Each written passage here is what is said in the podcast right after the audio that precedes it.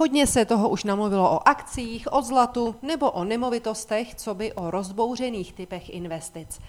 Ale v poslední době se začalo mluvit ještě o jednom investičním nástroji, o kterém bylo dlouhou dobu ticho po pěšině a který ani většině individuálních investorů nepřipadal moc sexy. Ale to jen proto, že o něm věděli málo. Jedná se o dluhopisy. A rovnou dodejme, že je omylem domnívat se, že většiny lidí se dluhopisy netýkají. Naopak, většina lidí investuje prostřednictvím podílových nebo penzijních fondů a v takovém případě pravděpodobně vlastně zprostředkovaně investují do dluhopisů, i když si to třeba ani neuvědomují. Navíc, na rozdíl od akcí, jsou výnosy a ceny dluhopisů poměrně velmi exaktně počítatelné. A konečně ceny akcí se bezprostředně obvykle dotýkají jen toho, kdo do akcí přímo sám investoval. Zatímco ceny dluhopisů se, a nejenom skrze podílové a penzijní fondy, přímo dotýkají doslova každého, protože s prodejností dluhopisů stojí a padají státy. Jinak řečeno, pokud stát nedokáže prodat své státní dluhopisy, bankrotuje. A kdy stát nedokáže prodat své dluhopisy? Když je nikdo nechce, tedy když jejich ceny příliš poklesnou, což je synonymem pro situaci, že je nikdo nechce.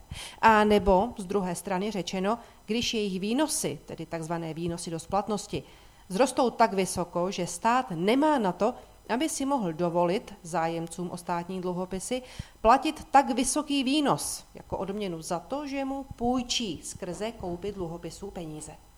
Pokles cen dluhopisů a růst jejich výnosů je ekvivalent.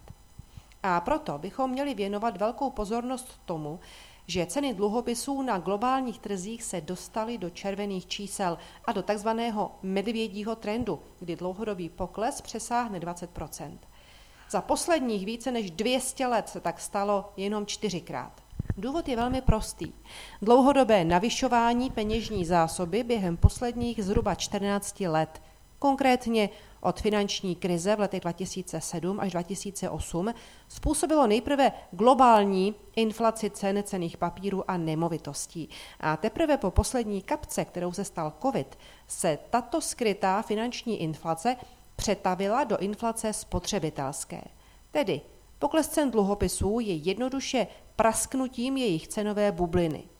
Mohli bychom to vnímat i z obrácené strany a říkat, že zvyšování úrokových sazeb centrálních bank ve spojení s inflací zvýšilo požadovanou výnosnost investic na finančním trhu.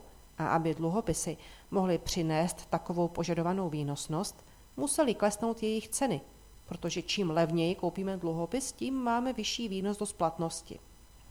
Je to jenom druhá strana téže mince a je to v podstatě stejný jev popsaný jenom jinými slovy.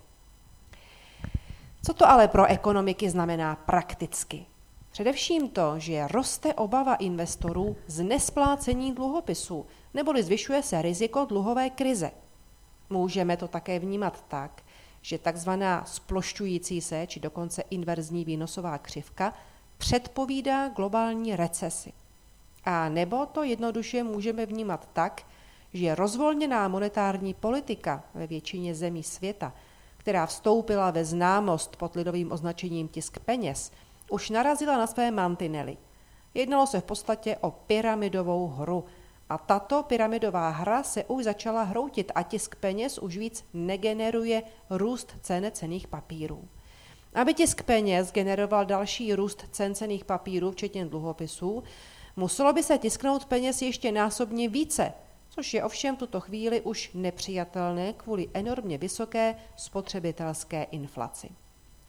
Tento pokles cen dluhopisů bude trvat, dokud se cenová bublina buď úplně nebo alespoň částečně nevyfoukne. A to bude trvat ještě mnoho měsíců, možná až let. 14 let jsme tuhle cenovou bublinu nafukovali. Takže nechť nikdo nečeká, že nyní přes noci vyfoukneme. Samozřejmě to také jako vedlejší efekt znamená, že výnosy penzijních fondů budou ještě dlouho záporné nebo kolem nuly, takže důchodci budou chudnout. To je hold daň za to, jak hloupě se vlády a centrální banky od roku 2007 dál chovaly. Nutno ale dodat, že ani není v zájmu lidí vrátit ceny dluhopisů k růstu. V zájmu lidí je dostat finanční trhy do rovnováhy a to lze pouze napravením stávajících nerovnovách. Konstatuju, že nynější inflace a začínající recese jsou pouze a jenom důsledkem dlouhodobého tlakování nerovnovách a nynější pokles cen dluhopisů je pouze a jenom symptomem nebo vedlejším efektem jejich narovnávání. Tedy velmi prakticky řečeno, rozlučme se s tím, že fondy založené na dluhopisech by mohly v dohledné době vydělávat.